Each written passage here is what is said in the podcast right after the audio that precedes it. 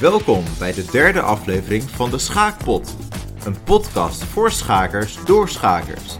Met Hisham Boulafa, Rosa Radsma en mijn naam is Lennart Otes. Jongens, meisjes, uh, ik heb hier een oude gardeklok. En die zet ik op drie kwartier. Even opwinden. Het kan hier weer eventjes tegenaan. En ik zet hem aan. Daar gaan we.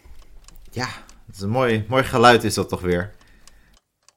Ja, de oplettende trouwe luisteraar van de Schaakpot heeft het misschien al door. Waar is Tex de Wit?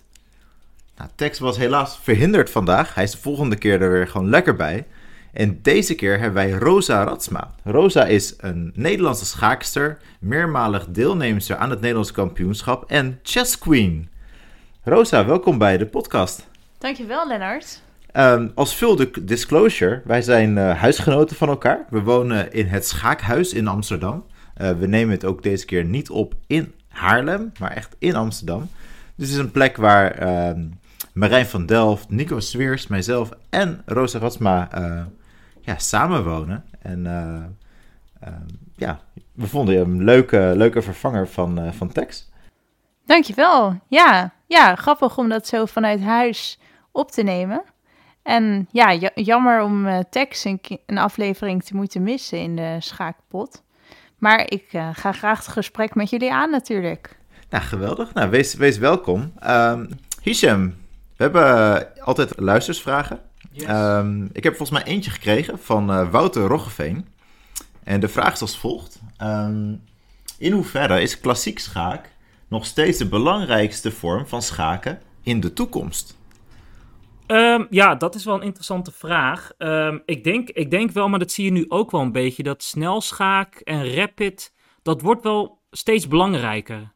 Steeds, steeds grotere toernooien. En ik merk ook wel een beetje dat het ook wel leuker is om te volgen, zo'n snelschaaktoernooi. Je gaat toch eerder naar zo'n snelschaaktoernooi kijken dan een uh, klassieke partij de hele dag.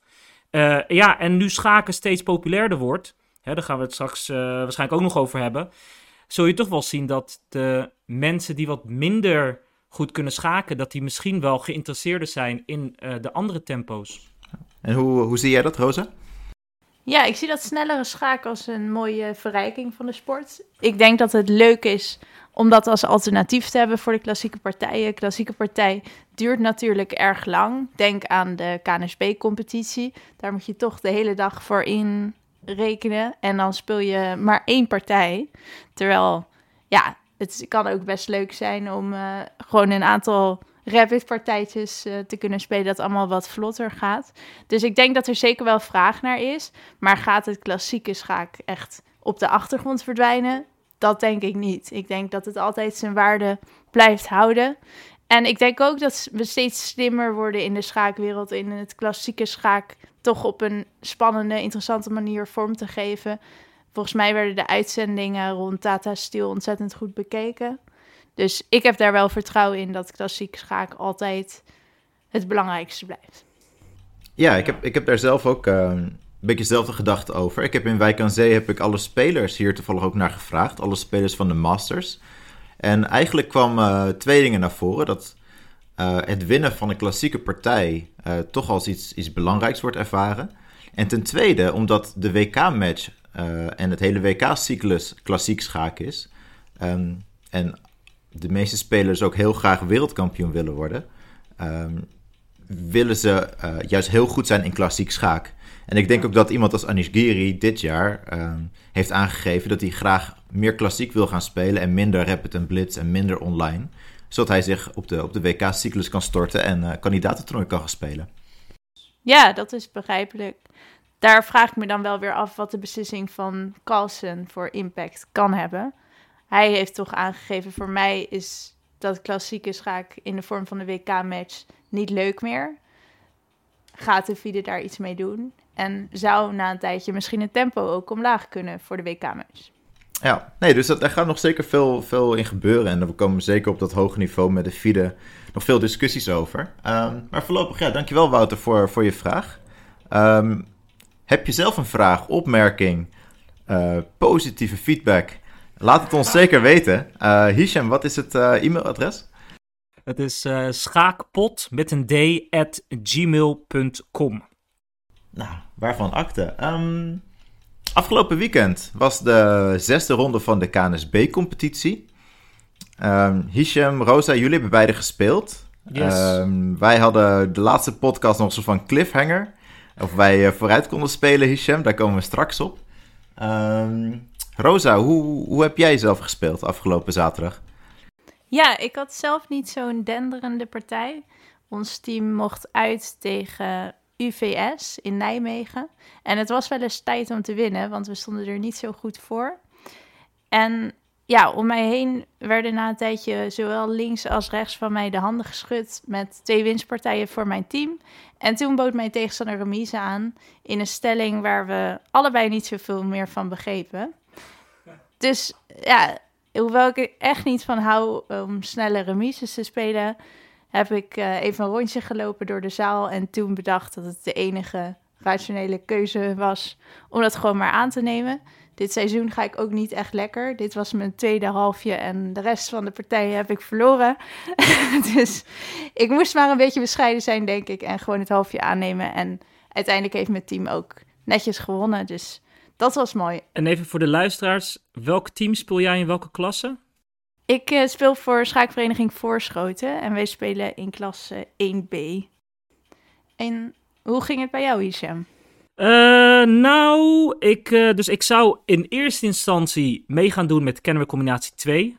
Dat is een beetje mijn team. Maar ik heb uiteindelijk meegespeeld met Kennemer Combinatie 3. Nou, dan zul je misschien afvragen, hoe kan dat? Mag dat zomaar? nou, normaal gesproken niet. Alleen, ik was geen vaste basisspeler in het tweede. Waardoor ik ook nog een keertje met het derde mee kan spelen. Dus volgens mij, als je niet drie keer al in een hoger team hebt gespeeld, mag je nog in een lager team spelen. Mm -hmm. uh, ja, en wij speelden tegen HWP 3. Dus KC3 tegen HWP 3. En we speelden. Uh, ja, dit, we hebben het hier echt over de, vier, vier de, de vierde klasse, 4D. Oké. Okay. ja, er wordt ook geschaakt. Uh, maar uh, ja, wij waren gewoon best wel een stuk sterker. En we wonnen 7-1. Zo. Ja, en ik uh, was degene uh, van dat één. Uh, nee, ik, ik heb. voor de helft. Ik heb, ik heb remise gespeeld. Nee, ja, het ging best wel soepel bij iedereen, behalve bij mij. maar ja, het was wel. het was wel ja, het is natuurlijk altijd lekker om 7-1 te winnen. Dan ga je wel lekker naar de Chinees toe. Dus ja, was ja, wel, was wel topdag hier. Wat heb je gegeten, Hisham? Ik heb, uh, wat heb ik gegeten bij de Chinees? Ja, wat eet je bij de Chinees? Uh, je krijgt van alles op de tafel gegooid en dan, uh, ja, dan duw je wat naar binnen. Dat... en jij, Leonard, heb jij, nog, jij hebt niet geschaakt? Nee. Um... Jij hebt wel toevallig met jouw team tegen mijn team moeten spelen, volgens mij. Ja, nee, dus vandaar ook dat, dat ik aanbood om vooruit te spelen. En toen kwam je met het hele slechte nieuws dat jij in de derde ging spelen in plaats van de tweede. Ja. Uh, mijn team Sopswebs moest tegen het tweede van Kennemer Combinatie. Uh, waardoor deze vooruit uh, speelafspraak gewoon niet door kon gaan. Ja. Dus ik, ik vind het wel enorm jammer. Ik, heb, ik was zaterdag verhinderd. waardoor ik niet kon spelen. En, ja, en je werd er ook keihard voor afgestraft. Want mijn team Sopswebs won vervolgens over, volgens mij overtuigend met, wat is het, 5,5, 2,5, zoiets. Ja, jullie won, wonnen wel dik. En jullie staan volgens mij nu ook eerste. En ik denk dat, het, uh, dat jullie eigenlijk gewoon wel het seizoen gaan winnen. Of uh, de, de, ja, de competitie gaan winnen. Want ja, wie gaat jullie nog stoppen? Jullie hebben volgens mij iedereen gehad. Um, ja. Alle nee, goede dus gehad. Het, promotiespook komt steeds dichter bij elkaar. Ja. Ik heb echt uh, eigenlijk geen idee wat, wat mijn clubgenoten willen. Of ze überhaupt willen promoveren. Maar dat, daar komen we later nog een keertje achter. want als Ja. we promoveren hebben we twee extra spelers nodig. Ja, maar wij, kijk, wij, wij hebben nu verloren en we staan middenmoot. Maar middenmoot in de tweede klasse dit jaar is anders dan andere jaren. Want de tweede klasse heeft dit jaar drie teams die gaat degade gaan degraderen. Ja, heel veel mensen weten dat niet, maar de, de degradatieregels dit jaar zijn best wel anders voor de tweede klasse, voor de derde klasse en voor de vierde klasse. In de tweede klasse degraderen drie teams. In de derde klasse degraderen twee teams, plus nog de vier slechtste, uh, uh, zeg maar, uh, achtste, die, die, die achtste eindigen.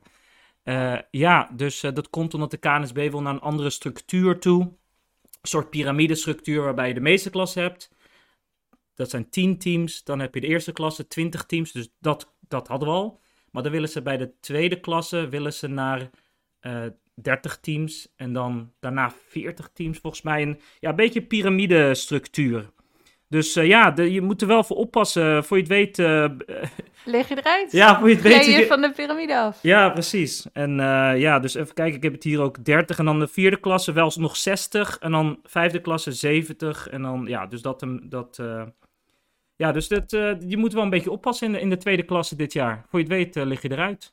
En hoe werkt dat dan met promotie? Want als je zo'n piramide hebt, dan moet je ook eerste worden om te promoveren. Is ook niet meer eerste twee dan? Ik, ik weet niet precies wat hun toekomstplannen zijn. Want ze zijn nu een soort van overgang aan het maken van uh, twee jaar. Dus uh, de regels voor dit jaar zijn dat de, de laatste drie teams degraderen in de tweede klas. En, en het jaar daarop is er weer een soort van overgangsjaar. En het jaar daarop is pas uh, de definitieve piramide. Mm. Ja, dus je, je, moet eigenlijk heel goed de, de regeltjes lezen de aankomende tijd. Ja. dat ja. Het wel, gaat wel een stuk sneller dan in Egypte in die, uh, in die tijd. hey jongens, uh, de meesterklasse uh, heeft natuurlijk ook zijn, uh, zijn ronde gedaan. ik zie hier aan kop LSG en Apeldoorn. nou, Roos en ik die zitten dus hier in het Schaakhuis in Amsterdam met twee spelers uit, uit het team van Apeldoorn. En ik had al van gehoord, zaterdagavond, dat, zij, dat Apeldoorn had gewonnen, hun, hun partij. Dus nou, zij kwamen net naar boven, zeg maar. En ik zei van, hé, hey, kampioenen. En toen bleek dat ze beide hadden verloren. Ja. in individuele potjes. Uh, maar Apeldoorn gaat, gaat de goede kant op. Samen met LSG hebben ze dus negen punten uit zes ronden. En ze moeten nog tegen elkaar. Ja. Uh, Hisham, ik zie het op derde plek Kennemer combinatie staan. Dat uh, is een team dat Daar ik heb ken. je wat over te zeggen. nou ja, wij zijn heel blij dat wij hebben gewonnen de afgelopen keer. Want ja, het, het kan zo snel gaan in de meeste klassen. Omdat het lag heel dicht bij elkaar allemaal. Dus ja, wij dachten als we, de, als we de ronde verliezen, dan spelen we opeens tegen degradatie. En als we winnen, dan kunnen we misschien wel naar boven kijken. Ja, nu staan we opeens derde. Maar er moet wel een kanttekening, er moet één wedstrijd gespeeld worden in de meeste klassen. Maar die wedstrijd die wordt uh, waarschijnlijk later uh, alsnog gespeeld. Maar daar zit een team tussen dat eventueel ons nog voorbij kan. Dus dat is de wedstrijd uh, volgens mij Zuid-Limburg tegen Paul Keres uit mijn hoofd. En Paul Keren zou ons dan eventueel nog voorbij kunnen gaan. Maar ja, we zitten inderdaad. Uh, ja, het is al een tijdje, tijdje terug dat we, dat we zo hoog hebben gestaan. Dus uh, ja, dat is wel leuk dat je, dat je opeens voor, uh, voor het kampioenschap speelt. En het kan eventueel nog, want wij moeten nog tegen LSG. En LSG moet nog tegen Apeldoorn. Dus ja, als het allemaal net goed valt, nou moet ik wel zeggen dat LSG echt heel veel meer bordpunten heeft. Die hebben echt negen bordpunten meer dan wij. Dus ja, er moet, LSG moet eigenlijk twee keer wat laten liggen. Dus uh, twee keer matchpunten laten liggen. Maar ja, het kan. Ja, het betekent ook voor, voor Apeldoorn, die hebben, die hebben ook 7,5 bordpunt minder dan, uh, dan LSG. Dus die, die hebben eigenlijk in hun onderlinge duel hebben ze ook niet voldoende aan, uh, aan een gelijkspel. Ja. Um, is het trouwens een, een faire tijdbreak in de, in de meeste klassen, bordpunten? Zou je niet zeg maar een laatste ronde willen hebben die gemeenschappelijk is, zoals het vroeger was. En uh, als dan twee teams gelijk eindigen, dat je dan lekker gaat snel schaken? Ja, ja, zo, dat is weer een heel ander vraagstuk. Maar ik, kijk, ik vind bordpunten vind ik eigenlijk wel eerlijk. En dat gemeenschappelijke ronde, dat proberen ze nog wel elk jaar. Dus dat, dat lukt niet elk jaar. Hè? Dus volgens mij de laatste paar keer dat het was ook in Bloemendaal. Dat het Kennemer Combinatie georganiseerd een paar keer. Uh, maar ja, om dat dan te gaan snel schakelen voor een heel kampioenschap. Ja, ik, ik, bij Tata vind ik dat eigenlijk ook niet. Ben ik het ook niet helemaal mee eens. Om dan na zoveel dagen klassiek schaken, om dan even alles er doorheen. Uh, ja, weet je, die, die match tussen Anis en Jordan, dat vond ik toen ook een beetje. Uh, ja, dan, doe ik lief, dan heb ik liever dat ze gewoon allebei kampioen zijn. Ja, dat zei Anis ook. Ja. Maar Jor ja, Jordan had er een heel ander idee over. Ja. ja. Nou, ja. Op 22 april, de laatste ronde, um, Apeldoorn tegen, tegen LSG. Dus dat Ja. kan uh, wellicht uh, de beslissing zijn. Zeker. Wel mooi dat het in de laatste ronde is. Ja, dat is een spannende, spannende indeling. En in de eerste klasse zag ik dat het ook het geval is. Dat beide teams die bovenaan staan nog niet tegen elkaar hebben gespeeld. Dus dat belooft nog uh, een spannende ontknoping te worden. Ja, want wie staat, wie staat er nu uh, bovenaan in de eerste klasse? Ja, in klasse 1A is dat Kaisa. Zij hebben 10 matchpunten. Maar de Waagtoren is hen aan het achtervolgen met negen matchpunten en ook meer bordpunten. En die moeten dus ook nog tegen elkaar spelen. Dus oh ja. alles is daar nog mogelijk. Ja. In klasse 1b gaat Den Bosch aan kop met 12 matchpunten. Mhm. Maar staat Vianen met eh 10 matchpunten klaar voor de achtervolgingen. En ook zij moeten nog tegen elkaar. Dus eigenlijk in eh, alle drie de hoogste klasses kan het nog alle kanten op. Nou, dat is mooi. Dan blijft het lekker spannend. Ja, ik, zie, ik zit nu even met de schuine oog mee te kijken. Ik zie dat Vianen inderdaad twee matchpunten achter staat. Maar gek genoeg een half bordpunt voor.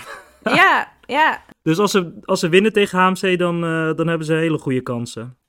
Ik zit even het lijstje af te gaan van punten die we bespreken. En nu, eh, het volgende punt is, waar is Lennart? Nou ja, die kunnen we afvinken. Ik ben, ik ben hier, in Nederland, in Amsterdam. Uh, nee, de reden dat ik zelf niet speelde afgelopen zaterdag was uh, dat er een uh, schaakkunst tentoonstelling opende in, in Amersfoort, de, de stad waar ik ook ben opgegroeid. Het is een ehm, tentoonstelling die is in het Rietveld paviljoen ehm, door de kunstenaar of de architect Rietveld ook ontworpen en als gift aan, aan de gemeente Amersfoort gegeven een jaartje of 60 terug, 70 terug. Het is een, een, een, een, plek met twee verdiepingen en dat zit nu vol met schaakkunst. Uh, initiatiefnemer Tjerk Zijlstra is een, uh, een, zelf een kunstenaar, een schilder. Uh, die heeft volgens mij iets van 28 schilderijen daar opgehangen die, die hij daar toont. Wow. hij heeft een heel erg, zeg het, surrealistische stijl. In, de, een beetje in de stijl van Dali, maar dan echt met schaakstukken, met schaakborden, met stellingen. Uh, hij maakt ook vergelijkingen. Ja, hij heeft ook een uh, soort van uh, schilderij met, met Tal daarop, de oud-wereldkampioen. Um, en het is, een, het is, een, heel mooie, kleurrijke tentoonstelling van hem geworden. maar hij had zoiets van, hey, ik wil er graag wat meer kunstenaars bij hebben. dus dan heeft hij mij onder andere benaderd om wat, wat foto's te ten, tentoon te stellen. Wat vet. Um, nog wat andere um, fotografen en kunstenaars. Uh, er is een uitvinder bij betrokken. Um, en dat werd afgelopen zaterdag geopend. Maar wacht even, Lennart. Zeg je nou een uitvinder? Een uitvinder. Wat moet ik me daarbij voorstellen? Ja, dat is een... Dat is wel grappig. Dat is een, een persoon die... ehm, die heeft een kubus gemaakt. En op die kubus kun je schaken. Dus er zijn ze, uh, zeg maar 64 velden ja. op iedere kant van de kubus.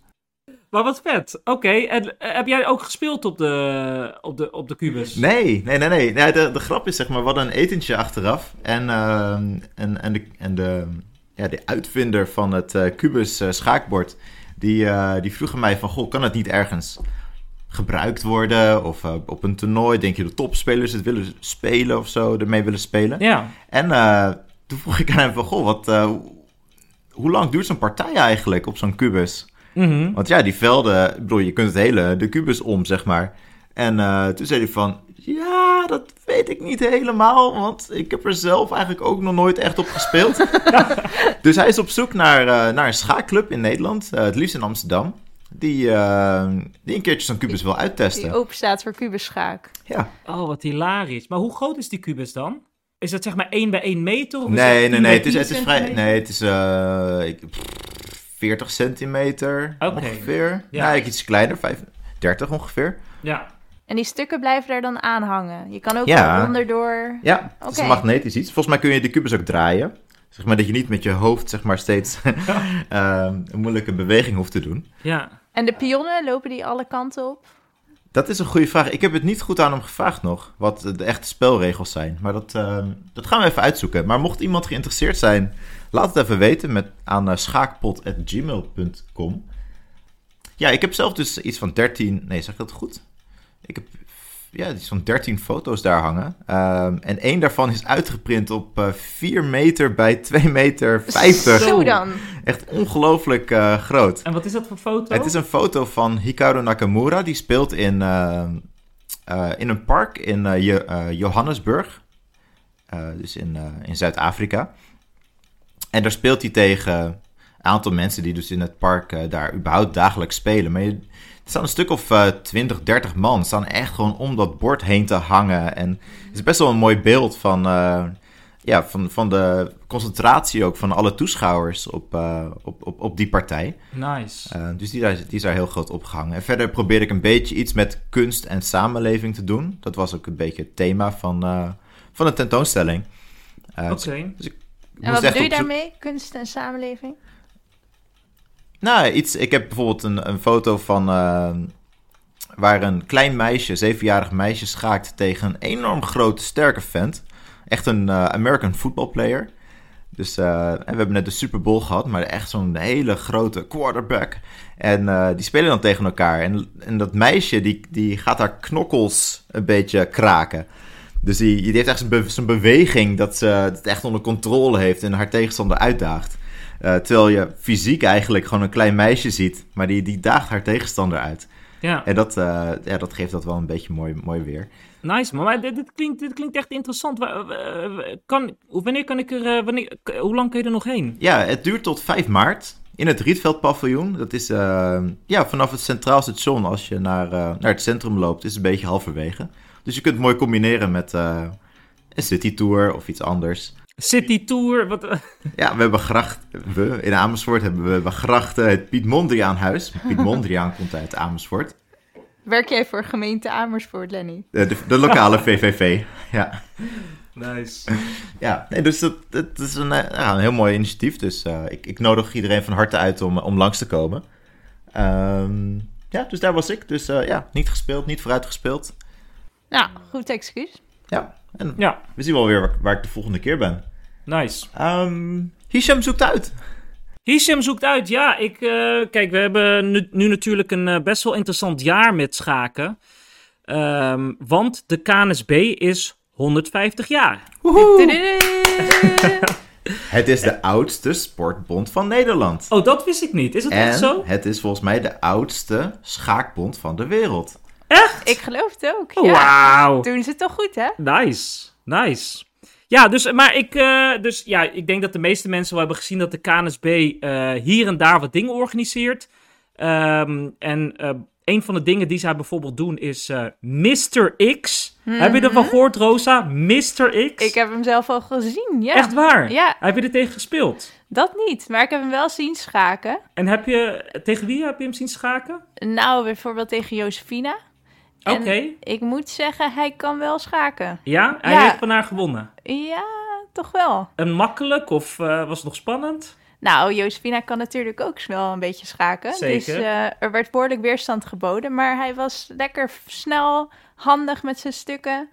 Ja, ik denk wel dat we toch met een sterke schaker te maken hebben. Denk jij dat het een grootmeester is?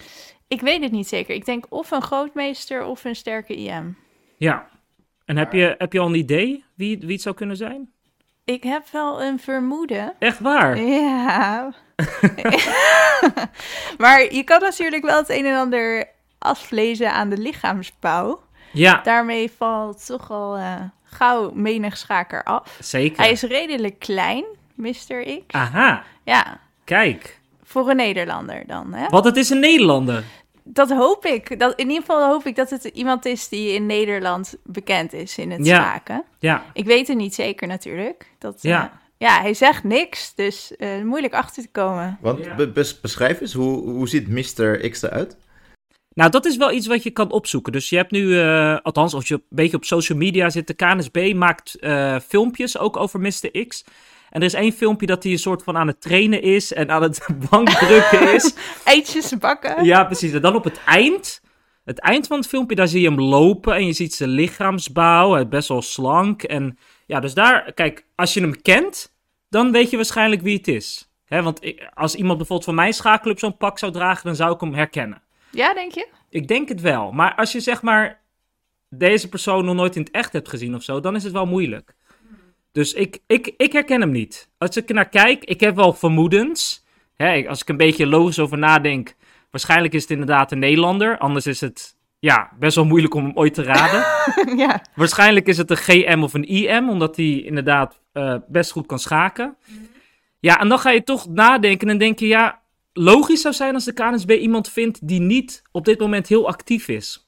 Daniel Stelwagen. Daar dacht ik precies aan. Ik dacht precies aan Daniel Stelwagen. Want die is inderdaad al heel lang uh, ja, niet gezien in de schaakwereld. Hij is sterk. Hij heeft een beetje die bouw. Hij is niet lang. Hij is niet lang, maar moet ik wel zeggen dat ik wel had gehoord dat Daniel Stelwagen wel echt een beetje van de aardbodem is verdwenen. Of althans, ja, dat hij niet echt meer te zien is in de schaakwereld. Maar dit is natuurlijk de manier om terug te keren. Ja, misschien Veel wel. Veel mooiere entree kan misschien je niet maken. wel, ja. Dus ja, misschien dat het wel Daniel is, dat weet ik niet. Hmm. Ja, maar ik denk dat er weinig, er zijn gewoon weinig opties in. Eerst dacht ik, wow, die is wel heel dun, dat, dat moet wel die of die zijn. Maar toen ging hij lopen en toen zag ik hem wat beter. dacht ik, oh ja, toch wel een beetje. Een, ja, licht een, gespierd. Ja, en uh, ook wel, het ziet er wel uit alsof hij tussen de 20 en de 30 is. Denk ik een beetje. Dus geen Jeroen Piquet. Het is geen, precies, dat dacht ik dus ook. Dat dacht ik dus ook. Ja, nee, dus. Uh, maar jij denkt iemand anders, Rosa. Ik heb wel een vermoeden, ja. ja. Oké. Okay. Ja, maar jouw vermoeden is zo goed dat je denkt: ik ga het nu niet verklappen, want dan weet iedereen het. ik heb er misschien te veel vertrouwen in, ja. Maar maar Mr. X wordt, um, is dus op verschillende locaties in het land te vinden dit, uh, dit jaar. Als ja. onderdeel van 150 jaar KNSB. Ja. Um, wat, wat, wat doet de KNSB nog meer dit jaar? Ja, wat doen ze nog meer? Volgens mij zijn ze echt een beetje per week, per maand zijn ze hun programma aan het uh, vrijgeven. Dus je kan ook uh, lid worden van hun nieuwsbrief. En dan, uh, ja, dan krijg je gewoon elke keer een hint, bijvoorbeeld over Mr. X. Maar je krijgt ook nieuws over nou, bijvoorbeeld waar jij bent geweest afgelopen week, Lennart. Dus ze zijn, wel, ze zijn op de achtergrond met dingetjes bezig. Hè? Rosa en ik weet ook wel dat ze met een bepaald bedrijf iets proberen. Dus ze zijn, ze zijn wel bezig. Ze, zijn, ja, ze willen echt een topjaar van maken. Ja, ze hebben grootste plannen. Ja. Ook rond de Olympiade zijn er uh, ideeën. Olympiade? Jeugd-Olympiade in oh, Nederland. Ja, en Oh, er dat- komt, als het goed is, een hele grote dag in het Spoorwegmuseum in mei. Mhm. Waar heel veel kinderen worden uitgenodigd. Nice. Dus ja, er staan echt wel leuke dingen op het programma. Nice, ja. Dus eh, ja, het wordt wel een leuk jaar, eh Lennart. En natuurlijk, wat het ook natuurlijk wat leuker maakt, maar daar gaan we het misschien straks wel even over hebben, dat het zo ongelooflijk goed gaat met het, met het schaken überhaupt. Hmm. Hè? Dus eh, ja, dat, dat is natuurlijk leuk meegenomen voor, eh, voor de KNSB. Nee, zeker. Het, staat, eh, nee, ja, het gaat goed in de picture natuurlijk. Ehm, Ja. En dat heeft ook deels te maken met Anish Giri. De, de kerstverse toernooiwinnaar van Wijk aan Zee. Dat zal inderdaad ook wel mee te maken hebben. Wat was Ja. dat een, eh, een vet gebeuren, zeg. Ja, wat jij vertel, Lennart. Want jij, jij bent natuurlijk de, de hele tijd geweest. De laatste keer dat we de podcast hadden, dat was denk ik halverwege ergens. Hè? En toen wisten we nog niet wie de winnaar was en zo. En opeens, die laatste dag, crazy. Ja, Vertel. ongelooflijk. Ik, ehm, ja, het maakt niet uit wat ik zelf denk, maar ik had helemaal niet verwacht dat uh, Abdusatorov van eh, Jordan van Verrees zou gaan verliezen. Ja. Zeg maar, de stand voor de laatste ronde was als volgt. Dat Abdusatorov stond in zijn eentje bovenaan. eh, op een half punt gevolgd door Anish Giri. En op een heel punt gevolgd door eh, Magnus Carlsen. En eh, Anish Giri moest tegen Richard Rapport spelen met witte stukken. Nou, dat kan alle kanten op gaan. Abdusatorov moest met wit tegen Jordan van Verreest. Ja. En eh, het werd een ongelofelijke Team NL-effort. eh, waarin Jordan van uh, Abdusatorov won. En Anish Giri die, die won al eerder op de dag van Richard Rapport. Mhm. En, nou, en achter de schermen is het natuurlijk gewoon ja, enorm interessant. Voor, ons is het enorm leuk zeg maar, dat, dat Anish zo goed ging. Dus hij won zijn partij. En toen zat hij een beetje achterin, backstage. Een soort van spelersruimte en een perskamer. Eh, eh, een plek waar ik zelf ook aan het werk ben. En Anish zat daar een beetje heen en weer te huppelen van scherm naar scherm. Hè, er waren een aantal schermen waar de live partijen op getoond werden. ja. Eh, maar dan zonder de computer. En eh, in de perskamer waren een aantal mensen die dan eh liedjes of eh Chess24 eh, of gewoon überhaupt een engine aan hadden staan. Waar Anish dan eventjes kon kijken. Maar, maar goed, ja, dat was dan weer 15 minuten vertraagd. Dus Anish moest steeds heen en weer rennen tussen die live schermen. En, eh, en, de, eh, en, en de engine. En op een gegeven moment viel het kwartje. Zeg maar, ik denk dat eh, Jordan echt al, weet ik veel, twee uur lang op plus drie stond of zo. En op een gegeven moment had, zei Anish, ja, nu is het voorbij. En toen werd hij eindelijk echt even relaxed. Eh, zijn vrouw was erbij, zijn twee kinderen waren er ook. Wat ook wel heel erg schattig was. Anish die wilde ook zijn kinderen... eh, hij wilde ook dat zijn kinderen hem konden zien schaken. ja. En uh, helaas kwamen ze te laat binnen. Anish had al gewonnen. Oh, snel gewonnen. Ja. En, uh, maar goed, ja, op een gegeven moment hoorde ik een enorm applaus in, de, ja, in, in die spelerskamer, zeg maar. En uh, ja, dat was het moment dat, dat Jordan van Anish had gewonnen. En Jordan kwam er vrij snel aan en echt felicitaties en iedereen glunderen. Maar was er nog een, een, een, een vriendschappelijke hug uh, tussen Jordan en Anis ja, of zo? Ik, daar was ik zelf iets te laat voor, dus dat weet ik niet per se. Mm -hmm. uh, ik neem aan van wel, ze stonden wel gewoon lekker met elkaar te praten. En, ja. en Anis was Jordan volgens mij ook enorm dankbaar. Ja. maar later, pas weet ik veel, een paar uur later, won Magnus van Irrigatie in de laatste ronde. Mm -hmm. En die, die kwam uiteindelijk ook niet spelersruimte toe. En die gaf wel Anish even een goede hand en feliciteerde hem. En dat was al een mooi, uh, ja, mooi signaal van, van respect. Ja. En dat, was, uh, ja, dat, dat, vond ik heel erg mooi. Nice. En, uh, ja, een paar, paar, dagen later zaten Jordan en Anish ook samen bij Galit en Sophie, tv-programma. Ja. volgens mij ging dat ook hartstikke goed. jij bent onze tv-expert, Hisham. Jij ja. kijkt... Je kijkt echt veel te veel tv. Je bent een tv-recensent van, van de schaakpot. En wat Hoe... vond je ervan?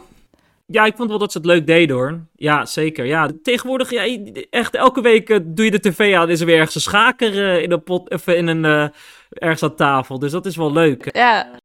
Ja, weet je, ze deed het gewoon hartstikke prima. En ja, dus dat, dat was wel leuk om te zien. En dat doet natuurlijk het schaken in Nederland hartstikke goed. Dus ja, dat was wel leuk. Rosa, is er nog iets anders wat jou opviel in, in Wijk aan Zee? Nou, ben, je, ben je er überhaupt geweest? ik ben er uh, niet geweest. Ik ben wel in de arena geweest. Toen ze daar een ronde speelden. Oh ja. Nou, allereerst vond ik die ontknoping natuurlijk hartstikke leuk. Ook kijkende naar wat er twee jaar geleden gebeurd was. Toen Jordan won, denk ik wel dat het echt de mooiste manier was waarop dit kon lopen. Ja. Dat zo op deze manier nu juist Jordan de reddende engel voor uh, Giri was. Dus dat is denk ik heel leuk hoe dat is gegaan. En ja, ik heb de schaakpartijen uh, niet heel gedetailleerd gevolgd, maar wel redelijk vaak wat uh, interviewtjes uh, gekeken. En wat me daar wel opviel, is dat Anis best wel vaak over de partijen zei van... Hier zei mijn intuïtie, ik moet dit doen, maar ik deed het niet. en ik, ik ging iets anders doen. En ik vond dat wel interessant, hoe die zo echt bezig is met... Oké, okay, ik weet dat mijn intuïtie me in een bepaalde richting aan het sturen is. Ja. En dat veroorzaakt misschien ook wat hij de laatste jaren vaak heeft gehad. Dat het zo net niet lukt om Ja. die punch te vinden waarmee hij het toernooi kan winnen en dan toch tweede worden. En dat hij daar echt mee aan het spelen is en toch vindt van... hé, hey, als ik daar nou tegen mijn intuïtie inga... dan lukt het ineens wel en dan kan ik ineens wel zo'n resultaat neerzetten. En, en dat vind ik wel heel interessant, want ja, je schaken... dat is natuurlijk voor een deel heel onbewust. Je, je schaakkennis, de beslissingen die je maakt tijdens de partij... daar speelt je intuïtie natuurlijk een hele belangrijke rol. Ja. En het is altijd de vraag van, ja, wanneer, wanneer luister je naar en wanneer denk je van, ah, nee, hier moet ik mezelf niet vertrouwen en toch puur rationeel uh, een andere keuze Ja, maken. hoe, hoe schaak jij? Want ik, ik, tegenwoordig, ik speel heel veel op intuïtie tegenwoordig. Want uh, omdat ik gewoon een beetje lui ben geworden. ik reken niet meer zoveel. Maar hoe, hoe speel jij tegenwoordig? Ja, ja, ik probeer wel wat meer op intuïtie te spelen, zou ik zeggen. Ja. Want wat ik bij mezelf merkte, is dat ik soms in een soort heel lang denkproces uh, kan komen. En dan na een tijdje raak ik echt een beetje door de bomen het bos kwijt. Ja. En dan ga ik steeds obscuurdere varianten bekijken, zeg maar. Ja, ja, Terwijl ik dan altijd achteraf zie van... nee, ik had gewoon die normale Dat, zet dat, moeten je, doen. dat je waarschijnlijk gewoon in drie seconden al de, de beste zet had gezien. En daarna ga je nog alles uitrekenen en misschien dan een verkeerde beslissing maken. Ja, Ja. ja. precies. Ja, ik heb voor mezelf de vergelijking gemaakt met dat het eh, gras bij de buren vaak groener is. In de zin van die normale set ga je dan super lang naar kijken. Ja, En dan heb je ook alle nadelen van die set gevonden. Dus je weet precies ja, waar die set ook niet zo goed is en zo. ja. En dan zie je ineens een andere set en dan denk je, oh, wat leuk. Ja, Misschien precies. werkt dat wel. en dan speel je die veel te snel. Terwijl, ja, die set heeft natuurlijk ook allemaal problemen, maar die heb je gewoon nog niet, eh, nog niet ontdekt. ja. Dus op die manier ben ik daar zelf ook een beetje mee aan het spelen van, ja, wat doe je automatisch en hoe grijp je dan toch in op die, op die processen waarvan je weet dat ze niet helemaal eh, zuiver zijn. ja. Dus dat vond ik wel heel, heel interessant om te merken dat hij daar ook zo ja, mee bezig is. Uiteraard natuurlijk, want bij hem ja, is het echt een kwestie van eh, alle details ja, zeker. Ja. Nou, Anish staat nu vijfde op de wereldranglijst. Hè, er zijn nog uh, vier plekken te veroveren. Um, heb je nog één tip voor Anish? Om uh, hoger te komen op de wereldranglijst? Hisham, Rosa? Uh, nou, kijk, ik, ik zie hem wel eens boeken schrijven. En dan denk ik, uh, misschien... Hé hey, jongen, moet jij Als niet je wat even een boekje minder schrijft, dan kan je misschien weer even iets meer tijd besteden aan, de, aan gewoon... Ja, weet je, ik denk maar dat wat jij al zei, Lennart, dat hij nu een soort van heeft besloten van ik ga me helemaal, uh, ik ga helemaal focussen op die, uh, op, dat, op de WK-match of in ieder geval dat, dat behalen. Dus het, het lijkt er ook wel op dat hij nu iets in, nog iets serieuzer uh, wordt. En natuurlijk, ik denk dat heel veel van die toppers dat nu denken. Nu Magnus natuurlijk zijn titel niet meer gaat verdedigen. Dus het is nu wel een beetje open veld. En ja, om eerlijk te zijn, ik denk dat Ding of Nepomniachtchi, ja, Weet je, dat, het, ik weet niet hoe jullie erover denken, maar dat voelt niet echt als een, iemand die tien jaar wereldkampioen gaat zijn. Toch? Ik denk dat, dat, echt, dat het echt een open veld is nu. Ja, absoluut. Een mooi, een mooi moment om toe te staan voor Ja, dieren, zeker. denk ik. Voordat uh, ja, uit India we tien uh, Ja. nieuwe Voordat al die kids ja, dat kandidaten is hebben. Ja. Ja. ja, trouwens, het vraag ik me nog wel af, Lennart. Misschien weet jij dat. Wat is met Verusha? Ik zag hem laatst weer een match spelen, eindelijk. Hè? Maar het was online en hij verloor alles. Wat, wat is er met hem aan de hand? Ja, dat was onderdeel van de Champions Chess Tour. Ja, Alireza Verruccia speelde uh, natuurlijk vorig jaar het kandidatentoernooi in Madrid. Mhm. En heeft sindsdien geen partij klassiek meer gespeeld. Hoe kan dat? Dat is uh, nou, deels, denk ik, dat het te maken heeft met uh, zijn eigen wensenpakket. Dus hij, um, hij gaat natuurlijk niet. Hij, hij, hij ziet zichzelf echt als de, de toekomstig wereldkampioen. En zou ook op zo'n manier willen worden behandeld. Een beetje zoals Fischer dat misschien deed in de jaren 70. Gewoon echt gewoon alleen maar spelen als de condities echt gewoon, uh, gewoon goed zijn. Ja. Um, en ja, er waren ook niet zo heel veel toernooien meer. Uh, dus wij, er was Wijk aan Zee sinds dat kandidatentoernooi. Um, wat was er nog meer daarna? Er waren eigenlijk niet zo heel veel meer klassieke toernooien. Wat mij wel opviel is dat hij het WK Rapid en Blitz ook niet speelde. Ik Ja. weet niet wat daar nou precies echt de reden van was. Maar dat is wel heel erg zonde. En ik zou ook heel graag willen zien dat hij meer gaat, meer gaat spelen. Ja.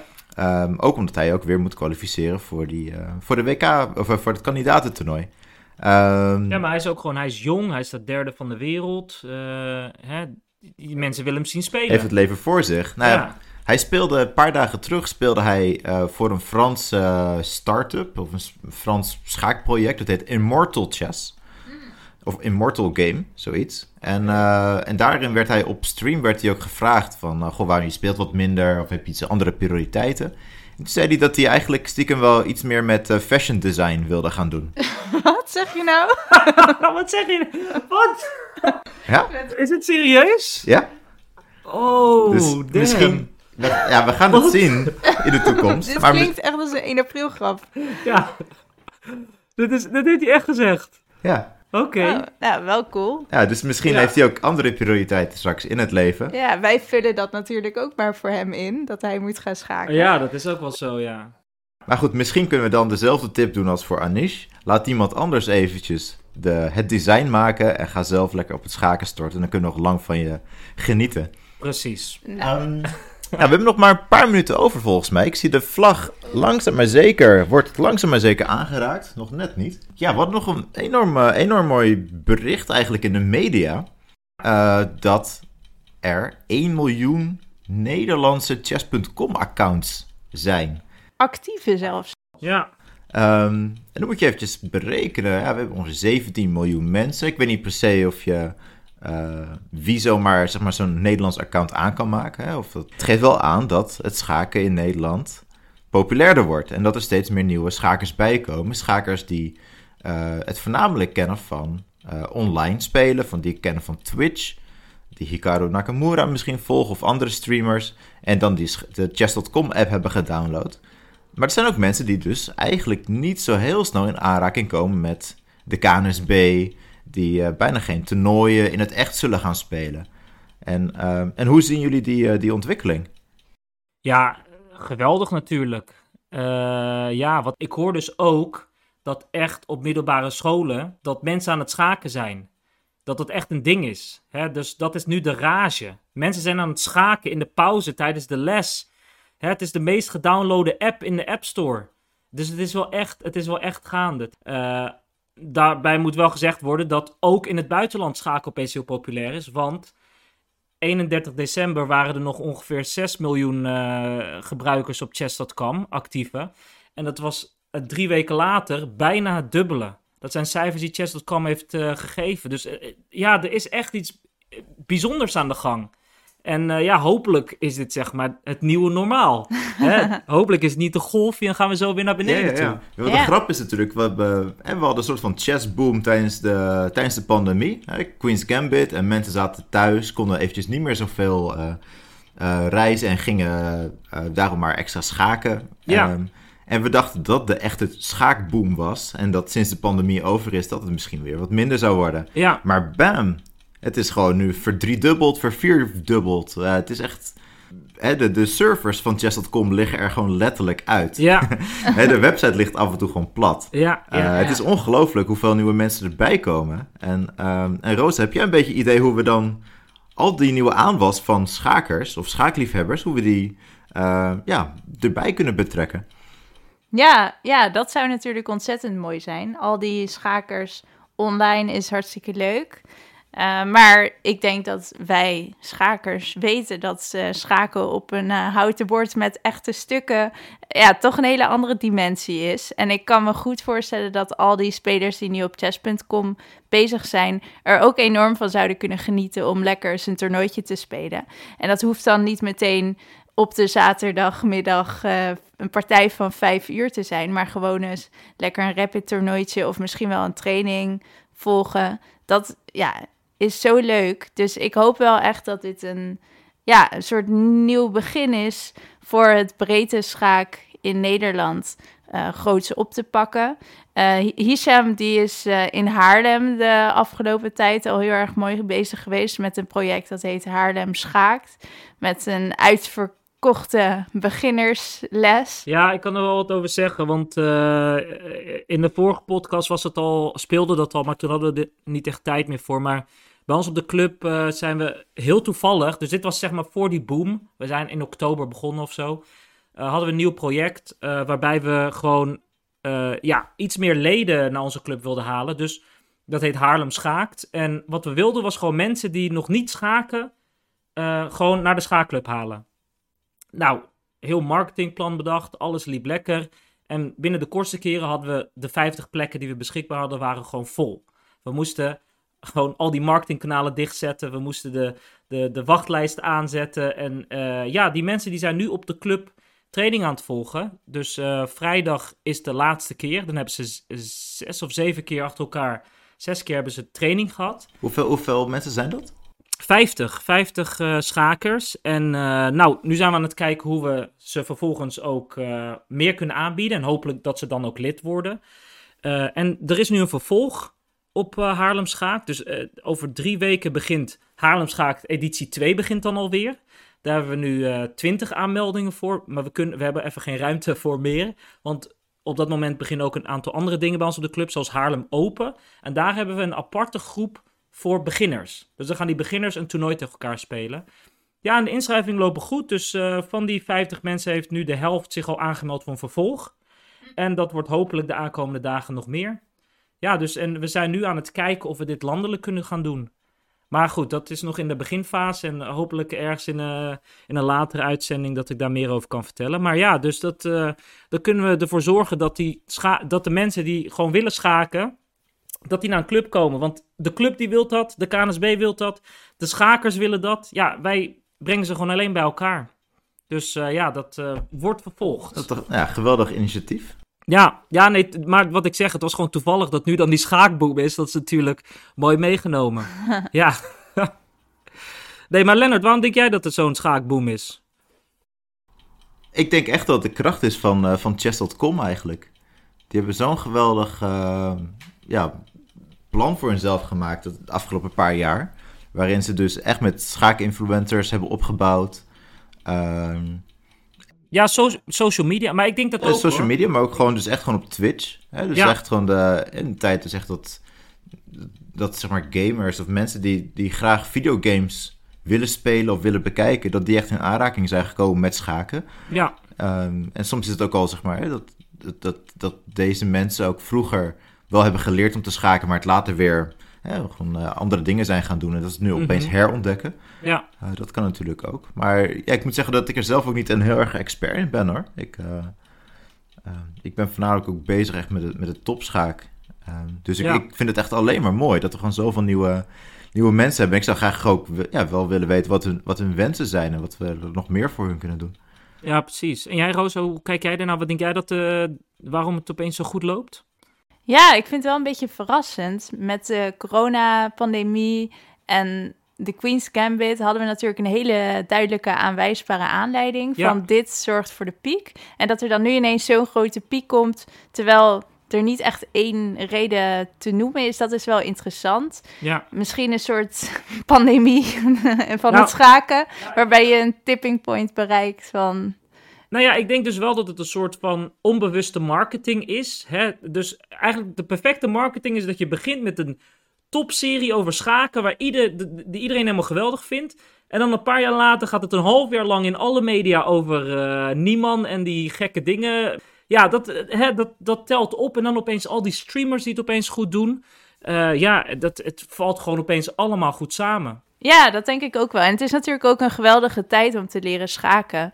Omdat er zoveel op het internet te vinden is. Ja, Je kan, ja, binnen een paar seconden heb je een tegenstander als je een potje wil spelen. Je kan hele mooie leermaterialen vinden. Dus het is ook echt, ja, het, het paradijs, zeg maar, als je wil leren schaken. Als wij dat eh tien eh, jaar, twintig jaar geleden hadden gehad, dan ja, was het nog veel makkelijker geweest om te, om te leren schaken. ja. Dus ik kan me ook gewoon wel voorstellen dat het hartstikke leuk is om nu, om nu schaken te ontdekken. En Ja. eh, de dubbele aanval.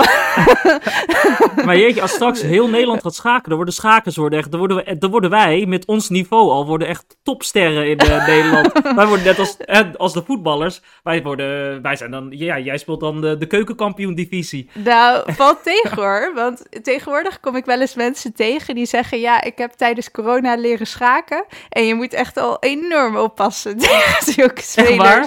Ja, echt in een paar jaar kunnen die gewoon een heel behoorlijk niveau halen. Door Ja. gewoon het hele internet eh, af, te, af te struinen. Overal eh, te leren en gewoon ja, iedere avond eh, een paar uur potjes spelen. Ja. Nou, dan gaat het best hard, kan ik, ik denk ook wel vertellen. 2000 kan iedereen wel halen. Rating van 2000 kan iedereen wel halen.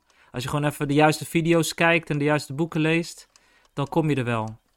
Nou, dat zijn motiverende woorden voor, eh, voor alle luisteraars. Ehm, jongens, ik kijk even op mijn klok. De schaakklok. Is die al eh, gevallen, de vlag? We zijn al te laat. Hij is al gevallen. Ja, Als Tex er niet bij is, Ja, dan nee, verliezen Tex. we gewoon. precies. Ja, Tex die houdt het zo keurig goed in de gaten. Eh Tex, we hebben je nodig. Eh, ja, helaas. Ehm, Laten we de uitzending dan maar eh, stoppen door, eh, ja, vlag.